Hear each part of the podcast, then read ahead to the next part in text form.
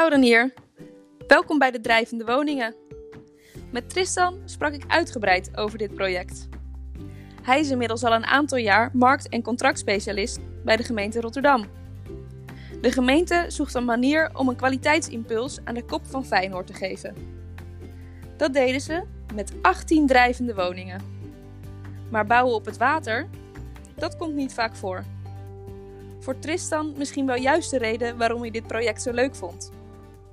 Wil je meer horen over dit project? Luister dan het interview. Er zijn in ieder geval genoeg anekdotes te vertellen. Tristan Kunu, senior manager bij Brink. Uh, sinds 2008, dus uh, op dit moment alweer ruim 12 jaar werkzaam uh, voor Brinkgroep. Ehm, betrokken bij veel projecten en gebiedsontwikkelingen en daarmee ook de coördinator van de vakgroep Ontwikkelen en Investeren.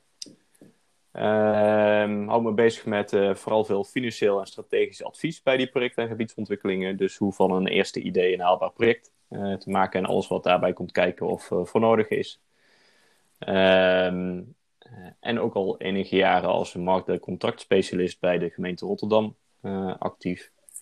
hou me daar bezig met gronduitgiftes, onderhandelingen met projectontwikkelaars, vastleggen van, van die financiële en contractuele afspraken. Uh, en het belang van de gemeente zo goed mogelijk uh, behartigen. Uh, nou, een nieuw stukje stad maken, uh, zowel op de Wilhelminapier, Katendrecht, Rijnhaven, waar we eerder ook al over hebben gesproken. Ehm, en in het verleden ook de Kop van Feyenoord. en in die Kop van Feyenoord nou ja, zijn inmiddels ook 18 drijvende woningen gerealiseerd. Ja, de vraag is bij Brink, of in ieder geval bij mij terechtgekomen, doordat ik toch al als markt- en contractspecialist uh, aan de slag uh, was bij de gemeente Rotterdam. Uh, en het is een vraagstuk wat al een, best wel een historie kende. in 2013 is daar een partij geselecteerd om deze ontwikkeling te gaan ontplooien. Je zou zeggen, het is feitelijk gewoon een hele kleine ontwikkeling, particuliere woningbouw. Het gaat om 18 vrijstaande woningen maar wat, wat maakt het dan toch zo complex? Nou, dat is omdat de woningen drijvend moeten zijn, of moesten worden. Uh, in een haven die niet meer in gebruik is. Uh, in een wijk Feyenoord met veel sociale huur, geloof 90 tot 95 procent. En dus ook veel maatschappelijke problemen die daar al dan niet mee samenhangen. Uh, en de gemeente uh, en andere stakeholders ook op zoek zijn en waren naar manieren uh, om een soort van positieve nou, kwaliteitsimpuls, speldenprikken te genereren om die wijk ook weer nou ja, een stukje beter te krijgen. Of in ieder geval de weg van verbetering in te slaan zonder daar heel rigoureus actief bemoeienissen in te hebben. Ja, het, is een, het komt eigenlijk uit een, uh, groter geheel, een, een, bovenliggende context. Dus eigenlijk ook wel de verstedelijking die al jaren uh, aan de gang is. Ehm, toenemende trek naar de stad, afnemende ruimte. Dus ja, je bent op zoek naar creatieve oplossingen om dat, om dat wel te kunnen faciliteren. En een van die oplossingen is ja, dan maar het water, wat in overvloed is in, in Rotterdam. ook eventueel benutten voor woningbouw. En daarmee ook eigenlijk een, uh, ja, een unieke woonbeleving creëren die er nu nog uh, niet is. Dus een soort van win-win situatie om het dan ook nog eens in de wijk Feyenoord te doen. Um, daarmee heeft het project ook een pilotstatus gekregen van de gemeente. Uh, om te leren, om te ontdekken, om te kijken hoe het wel mogelijk is. En vervolgens ook te kijken uh, of dat in, het kan leiden tot, tot andere projecten in Rotterdam. Of in ieder geval de, de, de lessons learned terug te koppelen en te kijken wat er nog meer mogelijk is in de rest van de stad. Heel hoofdzakelijk in mijn, eentje gedaan, inderdaad. wel veel samengewerkt met andere disciplines van de gemeente, daar waar mogelijk. ook wel collega's aangehaakt, maar met name op de achtergrond, om te klankborden of om dingen uit te zoeken. Zeker ook om te kijken, het is voor Rotterdam nieuw. bouwen op het water, in ieder geval drijvend ook.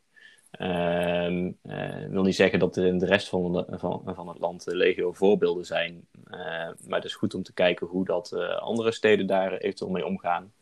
Ehm, om te kijken wat voor afspraken daar dan worden gemaakt, waar daar tegenaan wordt gelopen, et cetera. Dus daar hebben collega's ook wel in, in meegeholpen om dat inzichtelijk te maken. en dat was eigenlijk ook de reden waarom het uiteindelijk op mijn bordje terecht is gekomen. omdat nou ja, de eerste insteek van de gemeente was: dit is nieuw, dus we weten niet hoe het moet. Dus we zitten met ons handen dus we doen niets. En, en dat is meer uh, ja, een glas half leeg methodiek. En van joh, het is nieuw, wij weten ook niet hoe het moet. Maar laten we maar gewoon starten. En we zien er zelf wel wat tegenaan lopen. Want hier gronduitgifte van een stukje grond met toevallig erboven wat water.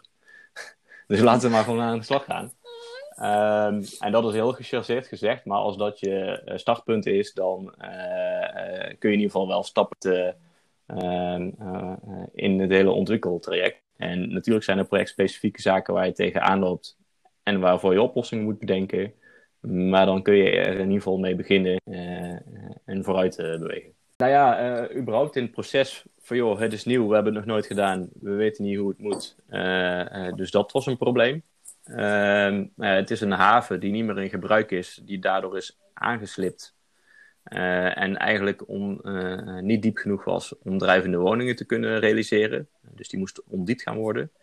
Uh, en de aanslipping, ja, die gaat ook zeg maar in de toekomst nog plaatsvinden. Dus je moet ook afspraken maken over ja, hoe ga je dan iets op diepte houden? Wiens verantwoordelijkheid is dat? Uh, wie draagt daar de kosten voor? Hoe zorgt ervoor dat de onderkant van de woning niet per ongeluk toch de bereiken met alle gevolgschade van dien? Uh, er zit gewoon een verschil tussen eb en vloed van, van minimaal anderhalf meter. Dus die getijdenwerking is wel een uitdaging. En daardoor maakt bouwen op het water in Rotterdam ook anders dan bijvoorbeeld in Amsterdam. het is niet altijd even vergelijkbaar. Het is gewoon een grotere uitdaging.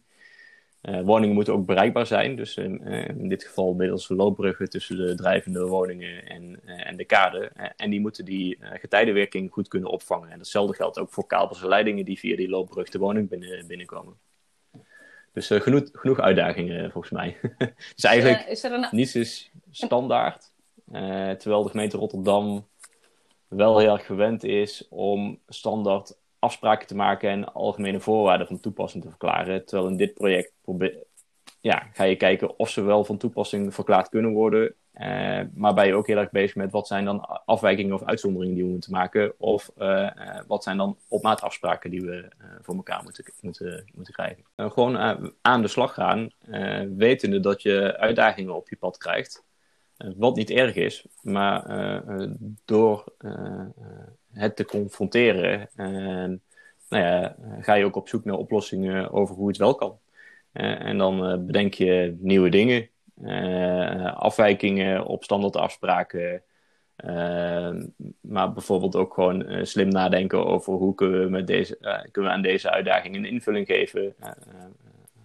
over wie houdt wat op, op diepte of is waarvoor verantwoordelijk. We hebben gewoon nagedacht van joh, uiteindelijk is er iets in erfpacht uitgegeven en daaraan gekoppeld nog een erfpachtafhankelijk opstalrecht. Uh, om voldoende zekerheid te bieden uh, dat het geen roerende zaak bleef en particulieren geen hypotheek konden vestigen. maar op dit moment kunnen particulieren gewoon een reguliere hypotheek vestigen op een, op een drijvende, drijvende woning. Nou, als je iets in erfpacht uitgeeft, is de erfpachter ook verantwoordelijk voor zijn kavel. En dus ook voor het op diepte houden. Uh, maar ja, dan heb je 18 uh, individuele particulieren die daar uh, zelfstandig voor verantwoordelijk zijn, die zich nog wel in de vereniging van eigenaars kunnen, kunnen bundelen of organiseren.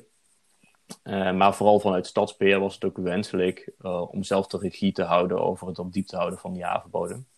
dus vandaar dat de gemeente dat naar zich toe heeft getrokken. Uh, maar ze wil natuurlijk wel de kosten verhalen op de personen die daar profijt van hebben. Zijn de toekomstige bewoners, dus de erfpachters. Dus we hebben daar een soort van voorschotbetaling bedacht, zoals nou, jij en ik onze energierekening betalen. We betalen gewoon een voorschot per maand. En dan wordt de spaarpot van gevuld. En aan het einde van het jaar, en in dit geval na tien jaar, uh, op het moment dat de eerste keer uh, gebaggerd moet worden, wordt gekeken of die spaarpot groot genoeg is. en wordt verrekend op basis van een nakalculatie probleem is alleen dat een energierekening zich nog wel redelijk simpel laat voorspellen. Uh, maar wat de kosten zijn voor het baggeren uh, is wat lastiger. omdat niet precies weten hoeveel er daadwerkelijk wordt aangeslipt, wanneer er gebaggerd gaat worden, wat de technieken op dat moment zijn om te baggeren en dus wat de kosten zijn die daarmee gemoeid zijn. En of een baggerschip gewoon zomaar die Nassauhaven kan binnenvaren, of da dat daardoor daarvoor de Nassauhavenbrug eruit getakeld moet worden. Woningen eventueel van een plek moeten, omdat op dit moment de baggertechnieken die de gemeente Rotterdam tot haar beschikking heeft, nog niet zodanig zijn dat gewoon de woningen kunnen blijven liggen en er gebaggerd kan worden. Dus alle woningen zijn dusdanig gedimensioneerd dat ze um, afkoppelbaar zijn. Dus vanuit de loopbrug, maar ook kabelleidingen en verplaatsbaar. En eventueel ook weer de Nassauhaven uit kunnen. Terwijl dat in de toekomst wellicht nooit noodzakelijk hoeft te zijn. Want als de eerste keer gebaggerd gaat worden, zijn de technieken er wellicht wel daar. En kunnen de woningen gewoon op een plek blijven liggen. Ehm, eh, ja, eh, in die zin, doordat ik zelf ook betrokken ben en ben geweest bij de totstandkoming van een drijvend kantoor in de, in de Rijnhaven. Uh, ja, ben ik daarin zelf de constante factor. Dus alles wat ik uh, zelf heb geleerd, neem ik mee naar, naar, uh, naar dat project, zeg maar. En natuurlijk heeft er wel ook gewoon een terugkoppeling plaatsgevonden van, joh, het, was een pilotproject, wat is er dan geleerd? Daar is, daarover is gerapporteerd, kennis is gedeeld. alleen op dit moment wordt er, naar mijn meten, in Rotterdam niet op een andere locatie gekeken naar hoe kunnen we drijvende woningen realiseren. Dus pas op het moment dat dat weer gaat spelen, dan wordt wellicht die evaluatie of die terugkoppeling uit de laag getrokken, hopelijk. In plaats van dat men weer opnieuw het wiel gaat uitvinden. Ja, en zo wordt misschien nog wel weer het advies van Brink ingevraagd. Ja, wie weet. nou, ik heb, ik heb meerdere anekdotes. Uh, Oké, goed. die van net, die, dat is inderdaad een mooie anekdote.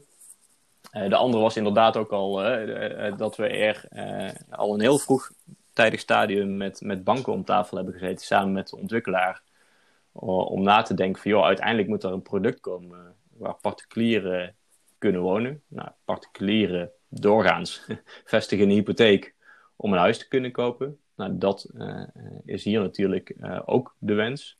Uh, maar dan is wel afhankelijk wat voor uitgiftevorm je hanteert, of iets verhypothekeerbaar is of niet. Als het een, een roerende zaak betreft, dan wil een bank geen hypotheek vestigen. Dan heb je gewoon een dure lening met nadelige condities en gaan particulieren dat niet voor willen. Ehm, dus het, dat heeft uiteindelijk tot een uitgiftevorm geleid in samenspraak ook met de notaris al. Om het in erfpacht uit te geven en het, het, drijvende opstal wat daar boven drijft in een opstalrecht, maar dan wel een van het erfpacht afhankelijk opstalrecht. Dus dat is daarmee altijd onlosmakelijk met elkaar verbonden. En dat wil ook zeggen dat als de erfpacht expireert, eindigt of, wordt opgezegd of wat dan ook, dat dan ook tegelijkertijd opstalrecht komt te vervallen. Dus daarmee is dat je geen discrepantie hebt tussen meerdere zakelijke rechten. Zeg maar. Dus dat is ook nog een mooie anekdote. Uh, nou, de periodieke onderhoudsbijdrage waar we het net over hadden. Uh, het nou ja, altijd afkoppelbare verplaatsbaar zijn van de woningen ten behoeve van baggeren, terwijl dat wellicht nooit noodzakelijk is. Maar bijvoorbeeld ook dat er helemaal geen parkeernormering van toepassing, kon verklaren, uh, van toepassing verklaard kon worden op deze woningen. Omdat de parkeerkaart die als bijlage wordt gehanteerd bij de parkeernormering netjes de lijnen van de kade volgt. dus water, ja, daar komen geen woningen, dus daar heb je ook geen parkeernormering.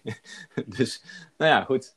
Daar hebben we natuurlijk wel gewoon oplossingen eh, voor bedacht. Want uh, vanuit de verkoopbaarheid uh, van woningen wil je ook gewoon parkeerplaatsen aan woningen kunnen koppelen. Want anders nou, wordt het een beetje een lastig verhaal. duurzaamheid stond wel hoog in het vaandel, zowel op woningniveau als ook voor die parkeerplaatsen. Dus het zijn een soort van mobiliteitshubs geworden. Waar ook deelauto's geplaatst gaan worden. Waar woningeigenaren exclusief gebruik van kunnen, kunnen maken. Dus dat is ook wel een mooie innovatie. De woningen zijn ook allemaal energie-neutraal. dus ze zijn all-electric. Ze hebben geen gasaansluiting, geen aansluiting op, op stadsverwarming. want dat is niet noodzakelijk. Ze voorzien in hun eigen energiebehoefte. Ze hebben ook geen rioolaansluiting. Ze hebben een IBA, dus een soort van waterzuiveringsinstallatie die het water dusdanig uh, zuivert dat het water zuiver genoeg is om vervolgens ook op het oppervlaktewater te kunnen, te kunnen lozen. Um, maar goed, dat moet wel allemaal geregeld worden, want standaard zegt het bouwbesluit gewoon dat iets een rioolaansluiting moet hebben, punt. Ehm, en met de bouwinspecteur zijn we daar dus in goed overleg geweest om te kijken of dit een minimaal gelijkwaardig alternatief is, zodat toch een omgevingsvergunning kon worden, worden afgegeven. Ehm, maar dan ga je moet je ook nadenken over ja, wat voor vergunningen heb je eventueel nog meer nodig voor het kunnen lozen van nou, verontreinigd of zuiverwater op oppervlaktewater. in de Nassauhaven dat ook weer in direct contact staat met, met de Maas, waar waarvan Rijkswaterstaat nou het bevoegd gezag is, zeg maar.